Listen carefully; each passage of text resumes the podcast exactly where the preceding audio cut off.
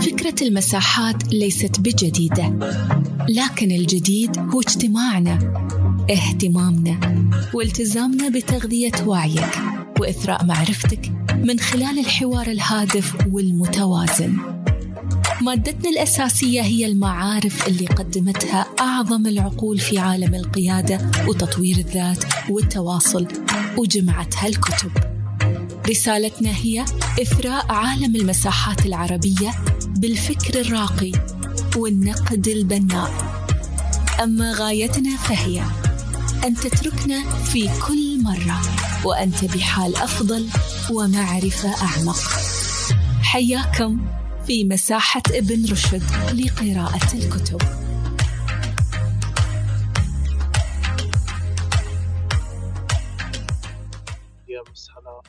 ومرحبا فيكم. دكتورة نهى قبل لا نبدأ بأي شيء أيوة. حابين نعرف الدكتورة نهى مين هي؟ آه، okay أنا أختكم دكتورة نهى عبد الله العويضي من المملكة العربية السعودية حاصلة على دكتوراه في دراسات الترجمة من جامعة Kent State آه، في أمريكا ولاية أوهايو. آه، أعمل أستاذ مساعد في الجامعة السعودية الإلكترونية. أدرس مقررات الترجمة آه، بأنواعها التحريرية والشفوية وهذا من ناحية ال method of translation ومن ناحية أنواع النصوص درس الترجمة القانونية الأدبية التقنية وكل أنواع الترجمات. آه، ترجمت خمسة كتب معظمها في تطوير الذات آه، فن الملاحظة كتاب هذا كان أول كتاب لي للترجمة آه، ترجمه وهو صراحة الأقرب إلى قلبي. كان مع دار تشكيل. وأيضا ترجمت كتاب سيكولوجية الملل آه، والذي يعرف برأسية تصدع آه، وكتاب فكر مجددا. هؤلاء الثلاثة الكتب كانوا مع دار تشكيل. وترجمت كتاب السعودية المتغيرة مع دار أدب. وترجمت كتاب في علم الترجمة وهو كتاب منهجي يعني دراسي. هذه كانت تجربتي بالترجمة التحريرية بشكل رسمي كنشر يعني. و يعني تعمقت كثيرا أثناء دراسة الدكتوراه أو تحضير الدكتوراه بنظريات الترجمة ودهاليزها ومشاكلها وطرق حلولها يعني. بالمناسبة يعني أنا حبدأ مقدمة حوار اليوم معكم أو نقاشنا خلينا نقول بقصة ظريفة. أولا المساحة اسمها ابن رشد وابن رشد معروف أنه كان من أهم فلاسفة العرب وكان يعتمد كثيرا على آه، التراجم التي ترجمت آه، إلى العربية وهو يقوم بتلخيصها وشرحها شروحات إضافية. لأن في ذاك الزمان كان أغلب المترجمين لا يترجمون مباشرة على اليونانية اللي هي كانت في ذاك الوقت لغة الفلسفة ولغة العلم. آه، أمثال طبعا كتب أفلاطون وأرسطو. آه، فكانوا يترجمونها بلغة وسيطة آه، السريانية. فالقصة التي أريد أن أذكرها لكم هي ترجمة كتاب فن الشعر لأرسطو. هذا الكتاب ظل عصي الفهم على العرب لقرون. آه، بالذات فن الشعر. أما بقية كتب أرسطو ترجمت بشكل جيد يعني ما كان في إشكالية لدى العرب فيها. لكن هذا هذا الكتاب له قصة مهمة. آه، أول من ترجمه هو آه، أبو بشر متى بن يونس القنائي. ترجمه ترجمة حرفية بعيدة عن روح الكتاب حقيقة. أدرك ذلك قدام الفلاسفة العرب وحاولوا شر... إضافة شروحات وتلخيصات من أجل تخطي عثرات الترجمة لكن أمانة لم تفلح هذه المحاولات في ردم الفجوة آه، بين ما أراده أرسطو وبين ما وصل إلى العرب في ذاك الحين يعني. أول من حاول هذه المحاولات الشروحات والتلخيصات الفارابي ثم ابن سينا آه، وأخيرا ابن رشد. طيب ما سبب هذه المشكلة في في فهم لماذا كان كتاب فن الشعر يعني يشكل مشكلة لفهم العرب؟ أولا الترجمة الحرفية التي ترجمها القنائي كان كان لديه عائقين القنائي. ترجم كما ذكرت هو هو ترجم ترجمة ثانية أو بلغة وسيطة السريانية فلم يترجم مباشرة من اليونانية التي لم يكن يعرفها. فهذا كانت أول عائق لعدم وصول المفهوم الصحيح للعرب. آه، ثاني مشكلة هي أن القنائي لم يكن آه، ذو معرفة عميقة بالفلسفة والأجناس الأدبية. وكتاب فن الشعر كان متعمق في الأجناس الأدبية اليونانية. طيب آه، ماذا حدث بعد ذلك؟ نتيجة لذلك. طبعا ذكرت أن الترجمة كانت ركيكة جدا من حيث الأسلوب والسلاسل اللغوية التي لم يعتاد عليها العرب. العرب يعني يفتخرون بسلاسة لغتهم وإعجازها وجماليتها ويركزون على الشكل حتى أحيانا أكثر من آه، المضمون. من أبرز المشاكل أو المشكلات التي واجهناها في واجهها العرب القدامى في هذه في ترجمة كتاب فن الشعر هو الترجمة الخاطئة للمصطلحات. يعني لم تكن مجرد أحيانا آه، تكون الترجمة ركيكة. نحن نقيمها أنها ترجمة ركيكة بسبب الأسلوب. يعني طريقة تركيب الجمل ولكن تكون يكون المضمون صحيح. لكن المشكلة هنا أن المصطلحات لم تترجم بشكل سليم. آه، عندك مثلا ترجمة تراجيديا وكوميديا. هذه الأجناس الأدبية كانت من ضمن الأجناس الأدبية المعروفة لدى اليونان آه، ولكنها لم تكن معروفة لدى العرب. فتخيل ماذا ترجمها آه، القنائي. ترجمها إلى مديح وهجاء.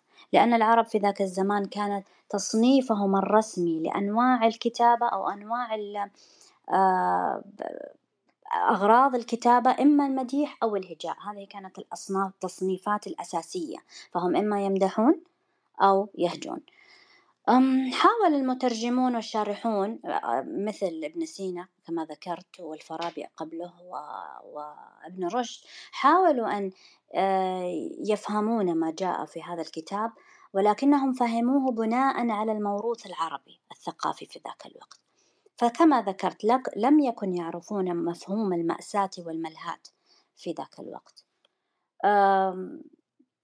نتج عن ذلك قبل ما يعني نذهب إلى النتيجة العامة التي توصل إليها النقاد العرب حتى أمثال عبد الفتاح كليطو النقاد المعاصرين. ولكن آه، دعونا نحاول نفهم لماذا تمت هذا كان هذا الخطأ ولماذا اختاروا أن يكون ترجمة تراجيديا إلى مديح. آه، أقرب مصطلح لمفهوم التراجيديا في ذاك الوقت كان مديح ربما العامل المشترك الجدية وجلالة الحدث مقارنة بالكوميديا التي كانت آه، غرضها الضحك أو الإضحاك. فربما كان الهجاء أنت تهجي شخص مثلا ممكن تتعرض لشكله أو التندر على حاله أو كذا فما يثير الضحك نوعا ما. فهذه يعني بالنسبة لي أكبر آه، تفسير ممكن أجده لاختيار هذه المصطلحات. وأيضا آه، يمكن أن يكون هو هم اتخذوا أنا أقصد القنائي المترجم الأساسي اتخذ هذا الأسلوب كما نسميه في استراتيجيات أو تكنيك تكنيكات الترجمة آه، التكييف. التكييف هو عندما يقوم المترجم بتكييف النص أو المصطلحات حسب آه، مفهومية القراء. فمثلا نحن لو عندنا نص باللغة الإنجليزية وكان فيه حدث عيد الكريسماس أو مناسبة الكريسماس آه، إذا إذا اتبع المترجم استراتيجية التكييف فسيترجمها إلى عيد الفطر. آه، باعتبار أن أن طبعا نحن نتكلم أو نتحدث عن عصر لم يكن فيه العالم كما نحن الآن أنه في تواصل وفي أفلام والآن كل العرب يعرفون عادات الكريسماس للغرب والغرب يعرفون. الآن نحن في وضع مختلف ولكن حاولوا أن تتخيلوا آه، أن ابن رشد آه، حاول أن آه، يقدم تلخيصات لهذا الكتاب الذي لم يترجم بطريقة سليمة. بسبب أن مصطلحين مهمين جدا وهما التراجيديا والكوميديا لم يترجموا بطريقة صحيحة أقصد صحيحة بما كان يتبع في اليونان يعني كأجناس أدبية. آه هذا الخلل أو هذا النقص أن لم آه لم يصل إلى القارئ العربي في ذاك الوقت. آه هذا الجنس الجديد من الجنس الأدبي الجديد آه، وحتى بعد محاولة آه، ابن رشد في في شرحه لم لم يوفق. ابن رشد بالرغم من أنه توفق كثيرا في باقي في باقي الكتب أرسطو الفلسفية والمنطقية في شرحها شرح رائع وسليم. هذا الخطأ أو النقص في إضافة أجناس أدبية يونانية إلى الأدب العربي أدى إلى أن الأدب العربي ظل كما هو عليه ولم يتأثر بالآداب الأخرى. وهذا يعتبر آه، نقطة سلبية. يقول الفيلسوف العربي عبد الرحمن بدوي لو ترجم كتاب أرسطو فن الشعر ترجمة صحيحة لعني الأدب بإدخال الفنون الشعرية العليا فيه. ما هي الفنون الشعرية العليا؟ هي تقيم المأساة والملهى بأنها هي الفنون الشعرية العليا. ولكان تغير وجه الأدب العربي كله. هذا هذا على رأي الفيلسوف عبد الرحمن بدوي. ف... وهنا انتهى الاقتباس. فالترجمة هي فعلا مهمة في رفض الثقافة وتكوين رصيد لغوي آخر موازن للرصيد المحلي فتحتاجه كل اللغات والثقافات أيضا. وهذا ما نعنيه بأن الترجمة الجيدة تسبب أثر الفراشة فالترجمة هي بوابة عبور الثقافات. فهذا كان يلخص موضوع حلقتنا اللي هو الترجمة وأثر الفراشة. مقدمة ولا أروع أنا والله ما كان ودي حتى أقاطع يعني بكل أمانة ما شاء الله تبارك الرحمن آه طيب آه أنا أنا عندي سؤال في البداية في البداية أيوة. بداية رحلة الدكتورة نهى نفسها التخصص كيف اخترتي؟ وش اللي خلاك تدخلين هذا التخصص نفسه؟ وش آه. وش الشرارة؟ الشرارة حبيت كلمة شرارة لأنها هي فعلا كما حدث. أنا تخرجت من الثانوية العامة وكان معدلي ممتاز وكان تخصصي علمي. فتوجهت لكلية الطب لأنها هي يعني الكلية التي تأخذ الدرجات العليا وكذا وما يدخلها إلا الناس الشاطرين. آه، جلست في مقاعد الطب ثلاثة أشهر وأنا كل يوم أذهب وأشعر أن هناك ثقل على ظهري. ما ما ماني مبسوطة. أشعر أنه مو مكاني. وكنا في ال في ال في الترم الأول والفصل الدراسي الأول في الطب آه نأخذ حصص مكثفة في اللغة الإنجليزية. سواء إنجليزية عامة آه للقواعد والكتابة وكذا والقراءة كسكيلز كمهارات وأيضا لغة إنجليزية للتخصص الطبي. فكنت أجد نفسي إذا جات المحاضرة آه، لغة إنجليزية أحضر أول وحدة وأكون جدا مستمتع وجدا متحم يعني آه، مشاركة وأجلس أول صف. وإذا كان عندي حصة تشريح أو حصة بيولوجي أو حصة أي حصة في تخصصات الطب أكون ما أحب إني أحضر ولا أشارك. وفي ذات يوم فعلا وجدت الشرارة كذا كانت أمامي يعني ال aha ال aha moment إيش كانت؟ في ذيك اللحظة كنت أنا أنظر إلى الأستاذة التي تدرسنا وقلت أنا سوف أكون في هذا المكان. أنا سوف أدرس اللغة الإنجليزية وسوف أحضر الدكتوراه في اللغة الإنجليزية وسوف أدرس اللغة الإنجليزية. وهذه كانت كل القصة. وانطلقتي بعدها في الولايات المتحدة الأمريكية يعني. إيه صحيح لأن لأن وقتها آه، ابتعثت لدراسة الترجمة نفسها يعني علوم الترجمة الترجمة كعلم وهذا أنا يعني هي رسالتي الآن آه، في كل كتاباتي وفي كل مقابلاتي وفي كل منشوراتي في المجلات آه، advocating ويعني المحاماة والدفاع عن فكرة الترجمة ليست مجرد ممارسة بل هي علم وله نظرياته وله تجاربه وله تقييماته. وأيضا برضو إذا سمحتي لي إني أضيف إنه ترى نفسها مهنة المترجم مهنة خطرة جدا جدا خطرة يعني هي تشبه بالجراح الفكري. آه.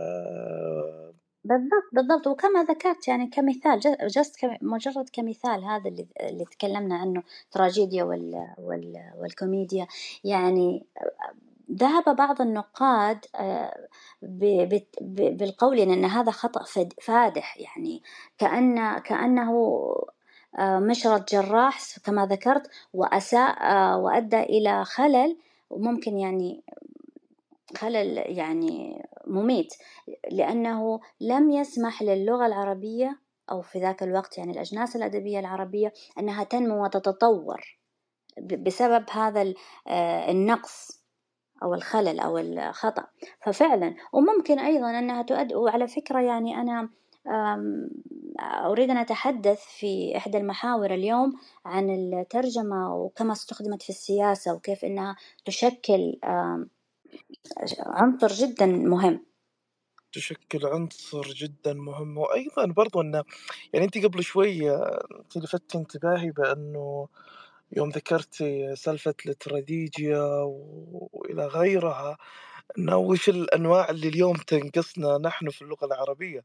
يعني مثلا الهايكو الياباني أكيد أنت سامعة فيه. أيوة أكيد. آه طرق القصص الصغيرة أو القصيرة الروسية مثلا. فاهمة كيف؟ قصة قصيرة جدا قصة الومضة. هذه كلها أجناس أدبية فعلا مختلفة عننا لكن الحمد لله إحنا الآن في عصر مطلعين على الثقافات الأخرى. العقلية تغيرت وبسبب الوسائل المتاحة. فإحنا لا إحنا الآن الوضع العربي الحديث مختلف عن زمان.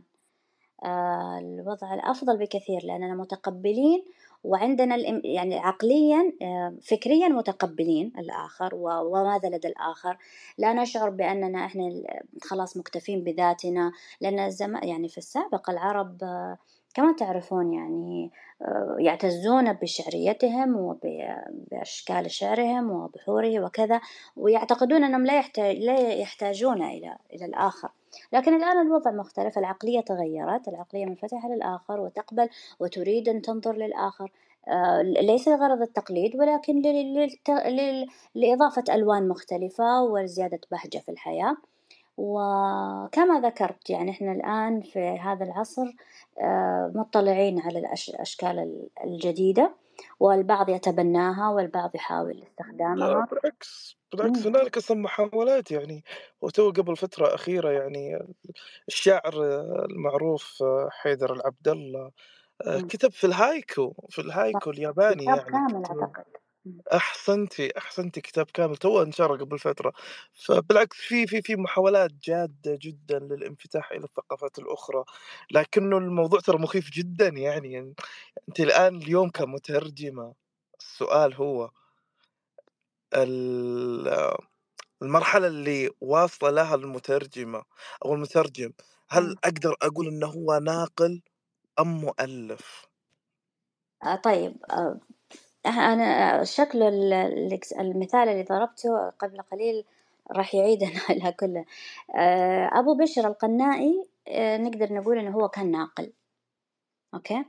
ناقل. اللي اللي ترجم من السريانية كتاب آه، الشعر لأن ما فهم روح النص. إذا ما كان المترجم ذو ثقافة عالية باللغتين يعني يعرف آه، ومتمكن من موضوع النص أيضا موضوع الترجمة النص المترجم منه وإليه وسوف يستطيع أن ينقل بشكل كبير وهنا ما يكون مجرد ناقل بل بعض النقاد أوصله إلى درجة المؤلف الثاني. يعني هذه أحب أركز عليها إن عندما يضع المترجم في النص آه، روحه المترجم المتمكن يضع أسلوبه الخاص يضع روحه في النص. فهو ليس مجرد ناقل كلمات.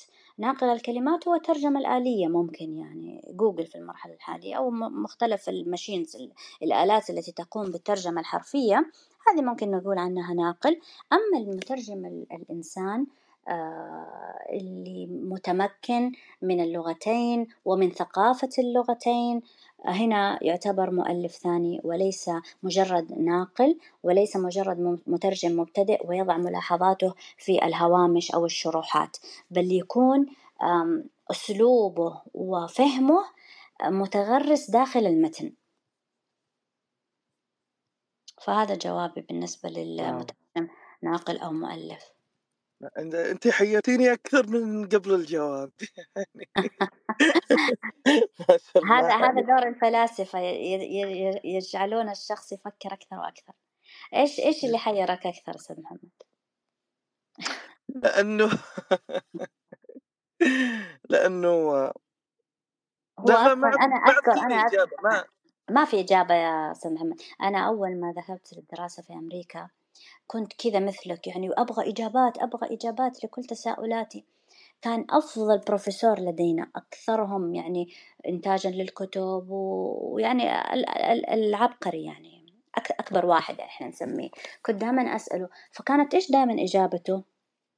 على أي سؤال أطرح أطرحه أو من زملائي كان دائما يقول it depends. ويقعد عاد يحلل. Depends. يعني إنه يعتمد على ماذا؟ أنت تقصد مثلا أنا ممكن أجاوبك يعتمد. هل أنت تقصد ترجمة طبية؟ هنا حقول لك لازم المترجم يكون ناقل حرف بحرف ولا يضع فلسفته ولا يضع أسلوبه. لكن لو كانت ترجمة أدبية مثلا يجب أو فلسفية هنا لا. هنا لا لازم تكون الترجمة نوعها نسميها تأصيلية. يعني يضع فيها المترجم أسلوبه المبني على الفهم العميق.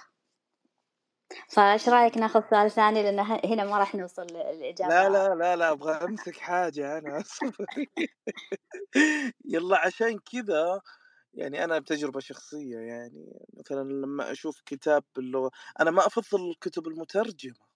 مثلا الكتب اللغة باللغة الإنجليزية لا أقرأها باللغة الإنجليزية وممكن كثير مع معنا الآن الأخوان والأخوات في المساحة يشاركوني هذا الرأي لأن مش كثير يكون المترجم آه، مفيد أحيانا في الترجمة لأنه هو مش قاعد يعني ممكن هو يحاول جاهدا إنه يترجم لي بالثقافه اللي تناسبه هو أو من وجهة نظره هو لكنه ثقافته ما تصل بي إلى المعلومة اللي أنا أبغاها. وبالتالي قراءة الكتاب باللغة الأصل تفيدني أكثر. طب فرضا إنسان ما عنده اللغة الأصل هذا واجبنا إحنا كمترجمين إننا نوصل له المعلومة بقدر المستطاع. طبعا في السابق كان التقليد مثل ما ذكرنا إنه أحد أحدهم يترجم وينشر ال- وينشر الكتاب المترجم ترجمة أولية ثم يأتي شارحون. إحنا الآن في في فترة أفضل بكثير لأن لدينا مترجم ثم مراجع ثم مدقق. فلعل آه هذه المراحل كلها تنتج الكتاب بشكل أفضل. دكتورة لو أنا أعطيتكم كتاب قلت لكم ترجموه. وما صارت الترجمة بشكل جيد هل هل في عقوبات عليكم؟ هل في آه ولا هي مجرد محاولة يعني. والله سؤال جميل بس آه، شوف ال- العقوبة التي ممكن تقع إن إن السمعة طبعا سمعة المترجم. هذه يعني راس مال المترجم سمعته لما لما أكثر من شخص يعني يقرأ ويقول ما ما فهمت ترجمة سيئة كذا كذا. هذه أكبر عقوبة. إذا كان يهدف مع دار النشر لل... أكيد طبعا حيكون في هدف الربح للبيع لزيادة المبيعات راح تقل المبيعات بالتالي دور النشر ما راح تتعامل معه مرة أخرى. يعني أعتقد أن القارئ هو أكبر آه، حكم آه، بالنسبة للأمور الإبداعية. حتى حتى في ال- حتى في الكتابات العادية في يعني في الروايات أو في الشعر وكذا من اللي يعاقب الشاعر على ع- من يعني يقدم شعر أنه شعر سيء أو من ي- من يعاقب آه، أحدهم كتب رواية أنها كتابة سيئة هي في النهاية عمل إبداعي بالنت- بالنهاية النتائج هي التي تحدد مم. يعني جميل. جدا راح انتقل على المحور اللي بعده بس سؤال مم. أخير في هذا المحور أيوة. في فرق بين ال- الترجمة المباشرة والترجمة النصية. بمعنى آخر. مم. إيش تقصد مع- مباشرة نفسية مم. بمعنى آخر. أنت الآن تتحدثين بلغة أخرى.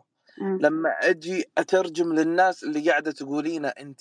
شفوية تقصد؟ شفوية آه، أحسنتي اي اي طبعا. آه، حتى إحنا لما ندرس الطلبة في الجامعة آه، ترى المهارات اللي نركز عليها أو ندرسهم إياها في التر في يعني مقررات الترجمة الشفوية تختلف عن المهارات اللي ندرسهم إياها في الترجمة التحريرية اللي جميل. سميتها نصية أعتقد كتابية تقصد فيها إيه وبعدين حتى الترجمة الشفوية فيها أنواع فيها في الترجمة الم... آه، هي الفورية اللي هي آه، يمكن اللي تقصدها المباشرة اللي يكون مثلا في مؤتمر بعدين الجمهور حاطط الأجهزة على أذنهم ويسمع المترجم يترجم في ذات الوقت. هذه هذه التزامنية simultaneous interpretation. وفي الترجمة الشفوية التتبعية اللي زي اللي تشوفوها مع آه، المدربين المترجم اللي يكون مع المدرب وفي نفس الوقت يعني هذا يتكلم ثم يتبعه عشان كذا هي تتبعية أو تتابعية بعضهم يسموها. فهذه نوعين من الترجمة الشفوية. وأما الترجمة التحريرية فأنواع كثيرة. جميل جميل. ولكل نوع تفصيل يعني لكل نوع أو نوع فرعي له آه، مهارات معينة تدرس بطريقة مختلفة. أنت شاركتي في معارض كتب دكتورة ولا؟ إي إي. شاركت في 2019 في معرض الكتاب في جدة وشاركت في وبعدين جات الكورونا طبعا قفلت كل شيء. آه، بعد كذا استأنفنا كل المعارض. حتى معرض أبو ظبي آه، كنت مشاركة فيه في بودكاست أبو ظبي تكلمت في حلقتين. برضه عن الترجمة وكذا. وكتبي طبعا تكون موجودة مع دور النشر مشكورين هم يعني متكفلين آه، بعرضها في المعارض. ما شاء الله. آه، في أكتوبر هذا ممكن نشوفك في الرياض؟ أكتوبر أنا بإذن الله موجودة في الرياض نعم. جميل جميل جميل جدا. آه طيب. نرجع للمحور الثاني. ما أدري أنا حتى السؤال أنا خايف أسألك السؤال أصلا ما شاء الله تبارك الرحمن. ليه خايف؟ أنت أنت متمكنة كثير لا إله إلا الله. يلا الأدب versus الترجمة. الأدب versus الترجمة. آه ما أدري من وين ممكن أنت تتكلمين في هذا الموضوع أو في هذا المحور؟ طيب أنا أقول لك الأدب والترجمة وجهان لعملة واحدة بالنسبة لي وهما يستفيد كل واحد منهم من الآخر. يعني مثلا لو عندك أديب بيستفيد من الترجمات ولو عندك مترجم بيستفيد من كتب الأدب. يعني لا يستقيم إنه يكون مترجم آه يسق... كيف كيف يستطيع المترجم صقل لغته وتنميتها ويعني كيف إنه يخلي أسلوبه جيد إلا أنه يقرأ كثيرا يقرأ في ماذا؟ بالذات في كتب الأدب في الروايات وفي الك... في, ال... في كتب النقد وفي كتب الكتب التي تعنى بالأدب تمام؟ هنا هو هو يدرب نفسه يعني ويصقل قلمه أكثر وأكثر. وأيضا من ناحية يعني نظريا يعني مو بس مجرد نصائح إنه اقرأ كثير حتى تكتب جيدا حتى تترجم جيدا لا.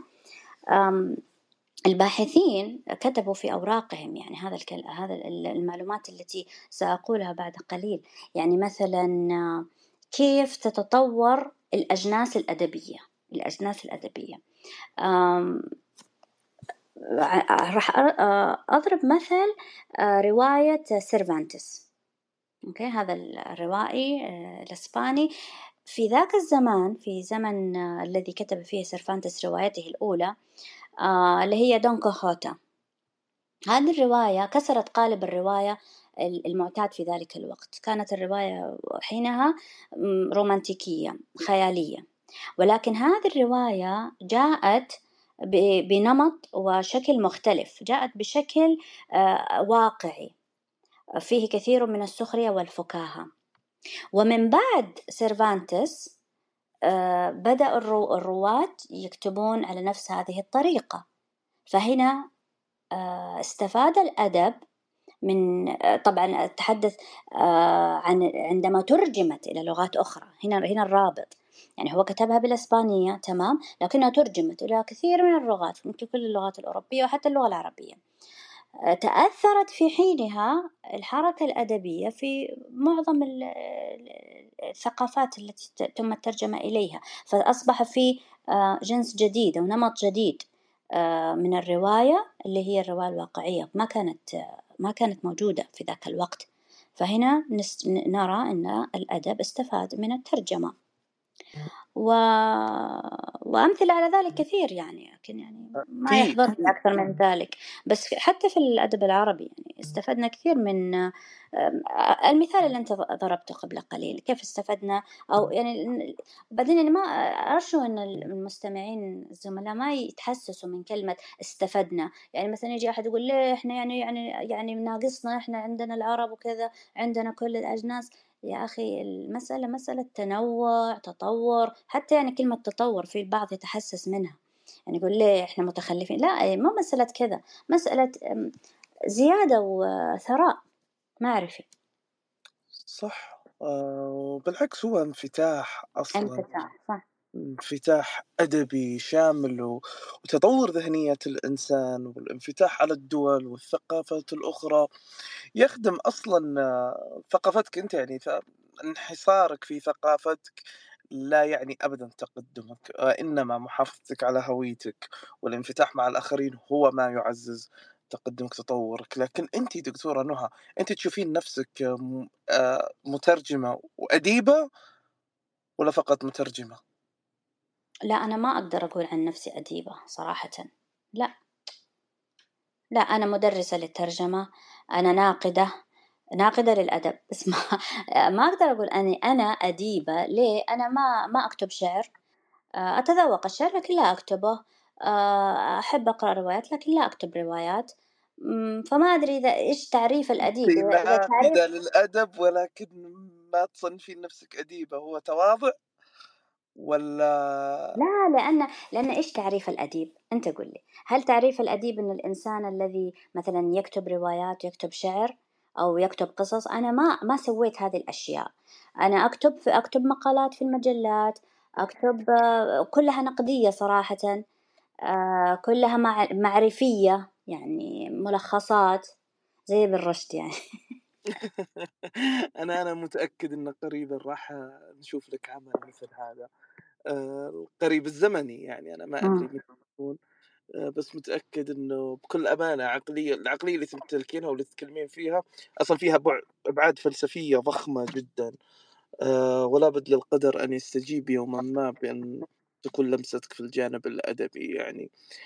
آه هذا جانب جيد بس آخر سؤال في هذا المحور أو في هذا الجانب العرب أو الخليجيين أو السعوديين كيف تشوفين مستوى الترجمة عندهم؟ يعني هل إحنا أنا أبغى أعرف هل إحنا كويسين في هذا الجانب؟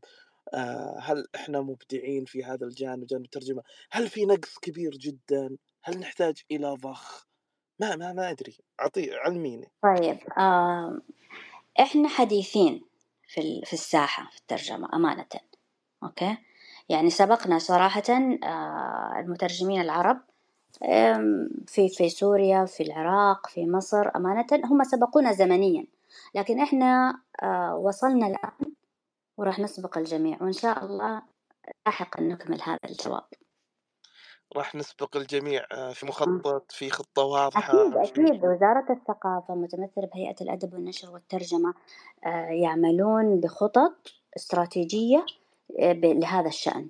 في عندك جمعية الترجمة مستمرة بتقديم محاضرات في تبني لمشاريع معينة في الترجمة آه، المبادرات آه، المبادرات زي مبادرة ترجم آه، تخدم قطاع الترجمة وفكرة الترجمة بشكل عام لكن يمكن أنت تسأل عن كيف مهارات المترجم نفسه كيف تقييمها كيف تدريبها صح؟ هذا سؤالك؟ صح. الجامعات السعودية فيها كثير أقسام في الترجمة ويدرس فيها أساتذة ممتازين أكيد يعني لهم التحية الزملاء.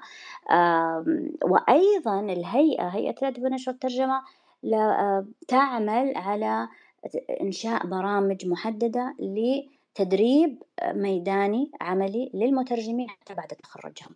فإن شاء الله لذلك أنا أقول يعني آه، إذا كتب الله عمر وعافية بإذن الله نتقابل بعد سنة أو سنتين ونشوف فين وصلنا من اليوم لذاك اليوم. أو قبل قبل السنة سنتين إحنا إحنا نبغى وعد منك آه، باستضافة أخرى. الاستضافات لا ما عندك تبون كل شهر عادي نادوني يعني ما عندي مشكلة. بس أقصد ك أقصد أقصد إن شاء الله آه، يعني اللي ما نتمناه وما نطمح إليه والذي نعمل عليه إنه راح يكون راح تشوفون مترجمين من سعوديين من الشباب والشابات بشكل جدا جدا رائع بإذن الله. ما شاء الله بإذن الله بإذن الله. بمثلكم وبأعمالكم واجتهاداتكم. إن شاء الله أن نكون سباقين في هذا المجال ومع كل الخليجيين ومع كل العرب يا رب. أكيد كلنا واحد. طيب طيب جميل جدا. آه، النقطة اللي حابب آه، أدخل عليها الآن أنتِ عارفة صعوبة آه، صراع الحفاظ على الهوية والتداخل في الثقافات الأخرى.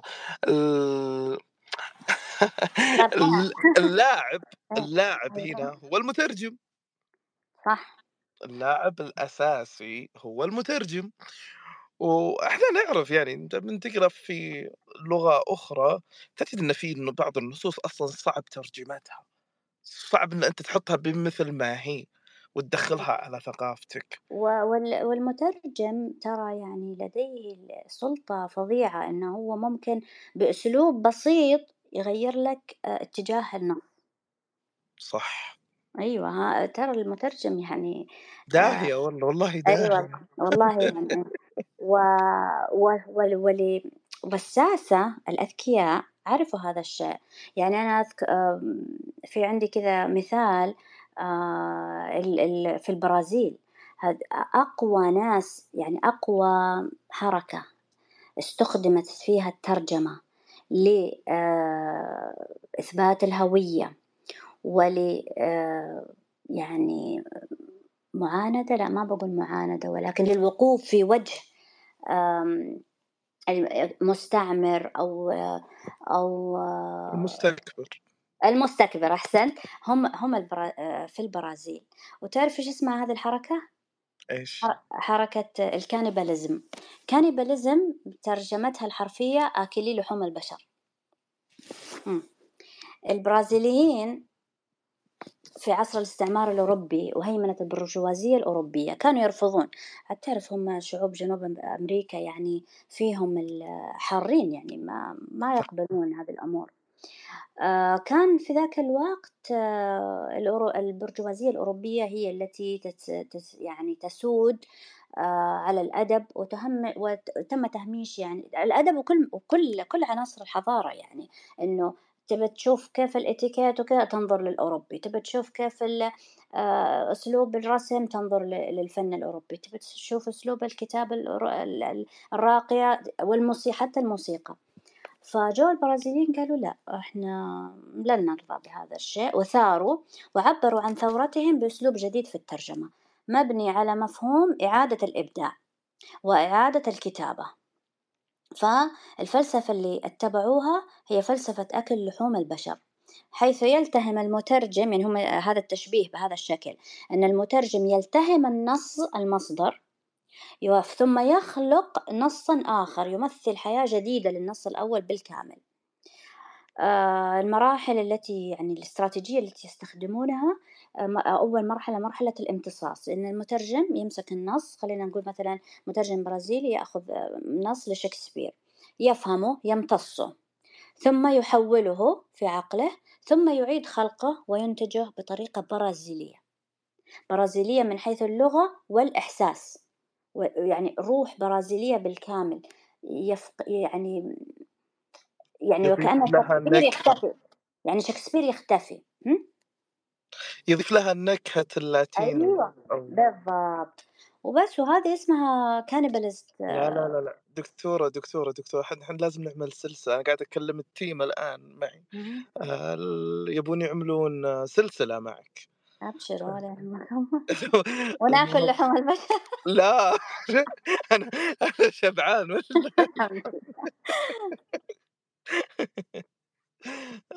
فهذا وعلى فكرة زعيمهم الذي كتب المانيفستو والبيان تبعهم اسمه آه، دي أندرادو دي أندرادو هو هو هو زعيم الحركة هذه البرازيلي. وأيضا في ألمانيا ألمانيا أدولف هتلر ما كان مترجم ولا كان عالم لغوي ولا كان يعني له علاقة بالأدب ولكن آه شوف كيف الدهاء اللي كان عنده. كان في ذاك الوقت آه، الأدباء والعلماء اللغة الألمان آه، جدا متحمسين ومتعنصرين للغتهم فكانوا يريدون ألمنة كل المصطلحات ألمنة على وزن يعني سعودة وتعريب وكذا. فجاءهم هتلر ورفض هذا المبدأ. تخيل. جاءهم وبكل صرامة وقال لهم لا. يجب أن نفتح اللغة الألمانية على المصطلحات الحديثة الصادرة من الخارج. وقال لهم إنه في ذلك طبعا يعني يظهر لك قد إيش إنه هو من حبه للسيطرة إنه لأ يبغى كمان يجيب المصطلحات اللي من برا ويدخلها في اللغة يعني ما ينغلقون على نفسهم. فهذا كان أدولف هتلر. وأنا صراحة يعني تفاجأت بهذه العقلية لأنه كنت أتوقع إنهم يعني إنه حي يعني حيكون مع فكرة الألمنة لكن لا كان عنده بعد نظر أكبر من ذلك. آه الاتحاد السوفيتي أيضا جوزيف ستالين كان وقتها الدكتاتورية البروليتارية. والمنظرين اللغويين في ذاك الوقت كانوا آه ماذا كانوا يقولون؟ كانوا يقولون بضرورة أن تكون الدراسات اللغوية مخصصة لدراسة لغة الطبقة اللي هم آه، الطبقة العليا يعني البروليتارية. وتصنف هي كلغة أساسية للشعب الروسي. ولكن آه، ليش؟ على أساس هذا هذا يسمى في علم اللغة الاجتماع الديغلوسيا اللي هو يكون فيه لغتين آه، في في نفس المجتمع لغة لكبار القوم ولغة للطبقة العاملة والطبقة البسيطة يعني أو العامية لكن ستالين قال لهم لأ نفس فكرة آه، هتلر. قال لهم لا اللغة لجميع شرائح الشعب ويجب أن نقبلها بكل تنوعها. وكان لنظرته الشمولية أثر كبير على الحراك اللغوي آنذاك. فعاد فعاد بعدها بعد رؤية ستالين عاد عاد الاهتمام بالترجمة لأنها تضيف آه، لسياسة الانفتاح على الشعوب. آخر مثال تسمحوا لي بس الصينيين. ماو تسي يونغ ماو تسي تونغ رئيس الحزب الشيوعي الصيني اتبع نفس الأسلوب لهتلر وستالين وقال في معرض حديثه مع موسيقيين صينيين. إيش قال لهم؟ قال لهم ليس عليكم التقيد بعزف الموسيقى الصينية فقط لبقية حياتكم بل, بل, بل بإمكانكم الاستفادة من الموسيقى الغربية. و... فقال بكل بصراحة يجب أن نتعلم من الغرب.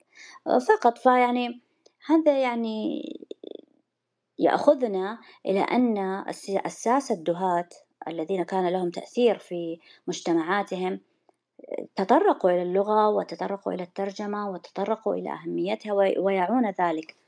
فهذه كانت أمثلتي على موضوع الصراع الهوية وإثباتها. مع أن مع أنه الجانب اللي أنت مسكتي فيه الموضوع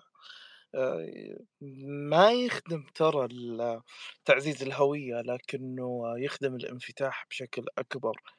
آه، يعني إنه هو أغلب الدول أغلب الدول آه، تخاف تخاف من من الاختلاط الاختلاط بال تخاف من ضعف هويتها تخاف من اندثار الهوية. بس خليني خليني خليني أسألك أنت شخصيا سؤال يعني وأنا هذا الموضوع ناقشته أصلا في البودكاست الأخير عندي. إنه ضعف الهوية بسبب تداخل الثقافات هذا أمر وارد. آه كيف ممكن ننفتح على الثقافات الأخرى آه بدون ما تضعف الهوية عندنا؟ طيب السؤال جدا جميل. والإجابة على ذلك ترجع الترجمة والانفتاح ما هي المشكلة. المشكلة الأساسية أنت كيف أصلا تبني هوية؟ ابني هويتك صح علم ابنائك صح خلي مدارسك تتعلم صح. آه الاعتزاز بالهوية يبدأ من الداخل من الأساس. أوكي؟ بعد ذلك أنت ما تخشى يعني آه إيش ما يصير إيش ما ينفتح له الإنسان هذا على حضارات أخرى أو ثقافات أخرى. خلاص هو متعزز بثقافته. آه معرفة لغة أخرى أو مصطلحات أخرى هذا لن يزيد إلا زيادة يعني. ما ليش ليش نخاف؟ ليش يعني الخوف إنه لا خلاص إذا تعلم لغة أخرى خلاص يعني مثلا إنسان تربى على أهمية الصلاة ويصلي ويصوم وكل شيء إذا تعلم لغة أخرى أو شاف ثقافة أخرى ترك هذه الأمور معناته هو ما كان مقتنع من البداية كان في خلل في التربية الأساسية وليست المشكلة الانفتاح أو أو التعرض للغات أخرى أو لجانب آخر من من الضفة. آه طيب بما إن انت كنت عايشة في أمريكا فانت عارفة إن هنالك دفع إلى توحيد هوية عالمية واحدة. آه ليش الناس عندها تخوف من التوجه الغربي لأن يكون هنالك هوية واحدة عالمية؟ من وجهة نظرك يمكن يمكن تقصد ال melting pot اللي هو آه القدر اللي, اللي ينخرطون في كل العالم ويصيرون مثل الخلاط وفي النهاية تطلع. آه هذا هذا شيء مستحيل يصير على فكرة. مستحيل يصير. حتى لو حاولوا يعني حاولوا. أعتقد أنا يعني أنت سألتني وجهة نظري. وجهة نظري وجهة نظري إنه حد على الأقل في الفترة اللي أنا عايشة فيها وإحنا المتحدثين عايشين فيها ما زال ما زالت المجتمعات كل مجتمع لها كل مجتمع له خصائصه ثقافته المختلفة طريقة تفكيره. في عندنا مجتمعات نسميها low context ومجتمعات high context. إيش معناها؟ طريقة الكلام يعني مو مو كل مو في اللغة في الألفاظ. طريقة الكلام. مجتمعات ال low context هي المجتمع اللي ما يتحدثون فيه كثير بس أنت ممكن بالإشارة بالنظرة تفهم الشخص هذا. المجتمعات ال high context هي أكثرها المجتمعات الأمريكية والأوروبية. يحتاجون وصف دقيق. آه، تعطيه مهمة آه، يقول لك طب إيش تبغاني أسوي بالضبط؟ أعطيني 1 2 3 هذه ال low context high context عفوا تحتاج آه، إلى لا عفوا يا رب أنا لخبطت. اني anyway هي في هي هي الفكرة واصلة أتوقع للجميع. يعني إن إحنا المجتمعات العربية ترى والشرقية أكثر نفهم. يعني مثلا يجيك شخص يقول لك اكتب لي اكتب لي هذا المقال أو سوي لي هذه المهمة يقول لك أبشر تم صح؟ هذا اسلوبنا ما ما يقعد يسأل تفاصيل دقيقة وغالبا يكون فعلا يعرف ماذا يريد ماذا يريد منه آه، طالب الخدمة. فما أدري ليش ذكرت هذه القصة ولكن القصد إنه ما يزال ولا ولن يزال لن يزال ما أدري إذا صح. وسيظل آه، كل مجتمع له هويته مهما كان له صفات وسماته الأساسية تقاليده الأساسية ومبادئه. يتأثر يتمد يتمدن أو يتمدرن مودرن يعني شوية يتحدث أو يعني يعني يأخذ بعض من الأشياء الجميلة التي هو يراها جميلة. يعني ممكن أنا أرى شيء جميل من الغرب أو من الشرق أضيفه في بيتي ممكن كديكور معين وكذا. ما يعني ما تضرر في ذلك يعني ما سأظل أنا نهى سأظل أنا نهى العربية أنا السعودية أنا المسلمة ولكن مثلا جبت لوحة من الصين ولا جبت فازة من فرنسا ولا يعني هذه أمور شكلية أنا أراها. آه صح. ممكن أنا إلى درجة التهديد. لا لا ما يجي درجة شوف يعني ترى أحيانا إحنا يعني نكبر المواضيع وكذا آه وفي نفس الوقت أحيانا تستحق التكبير أو يعني الوقوف عليها يمكن أكثركم شفتوا قبل أسبوع أو, أو كم يوم لما المجمع العربي في مصر أقر كلمة ترند إيش رأيكم أنتم بالموضوع ده؟ آه، بالنسبة لي أنا كان توسع لغوي جيد يعني مم. بس المشكلة وين؟ المشكلة إنه تقدر تلاقي أنت أنت مثلا يعني لما كمبيوتر دخلت المصطلح العربي وصرنا كنا نقول كمبيوتر نقول لابتوب لأن ما لها مرادف. لكن ترند ترى تقدر تجيب لها مرادف رائد رائج متصدر وبعد كذا يتعود عليها زي لما تعودنا على تغريدة. تغريدة. ما قلنا ما ما ما, ما ظلينا نقول تويتة آه، أوكي. كنا نقول تغريدة ترجمناها يعني. فكان ممكن يعني أنا هنا أختلف شوية يعني في هذا الموضوع لكني ماني متشددة ومتزمتة بالشكل الكبير. يعني في بقى الأشياء التقنية الأدوات لا مانع لدي وبالعكس أشوف أن من المفترض. خلاص هو كمبيوتر كمبيوتر هو ماوس هو ماوس. مو فأرة السؤال السؤال هو هل دخول كلمة ترند أو أي مصطلح آه، جديد يستخدم بشكل علمي يهدد وجود اللغة العربية؟ بالطبع لا. لا ما يهدد لا لا. هو ما يهدد وبالتالي هو بيكون مجرد إضافة يعني. طيب أنا والله إحنا باقي لنا ثلاث دقائق وينتهي موعد المساحة. مم. بس أنا جدا مستمتع ومتأكد إن الأخوان والأخوات الحاضرين معنا جدا مستمتعين بالحديث. آه بس آخر سؤال و... وأنا أدري إنه ما يكفي أصلا ثلاث دقائق يعني. لكنه اللي بقول لك إياه هل كل مترجم بالضرورة يكون فيلسوف؟ آه... سؤال مهم. المترجم والفلسفة؟ لا لا مو بالضرورة. لدينا مترجمين رائعين. يعني ممتازين وينتجون في وقتهم ومطلوب منهم الإنتاج في الوقت بدون الفلسفة. مثل ما ذكرت لك في بعض النصوص تحتاج لذلك تقارير طبية يومية آه، بنود قانونية أو أمور يعني قانونية. ما تحتاج فلسفة أنت عندك ناس تترجمه كما هو بدون أي أبعاد أخرى. لكن البعد الفلسفي ضروري في النصوص الأدبية. الأدبية زي إيش يعني مثلا روايات مقالات حتى في الفلسفة ترجمة الفلسفة نفسها. يعني آه، ذهب المفكر العربي الرائع الدكتور طه عبد الرحمن. إيش قال الدكتور طه عبد الرحمن في كتابه فقه الفلسفة؟ آه، بالذات في جزء الترجمة. هذا كتاب صادر 1995 صراحة يعني منجم للمعلومات هذه.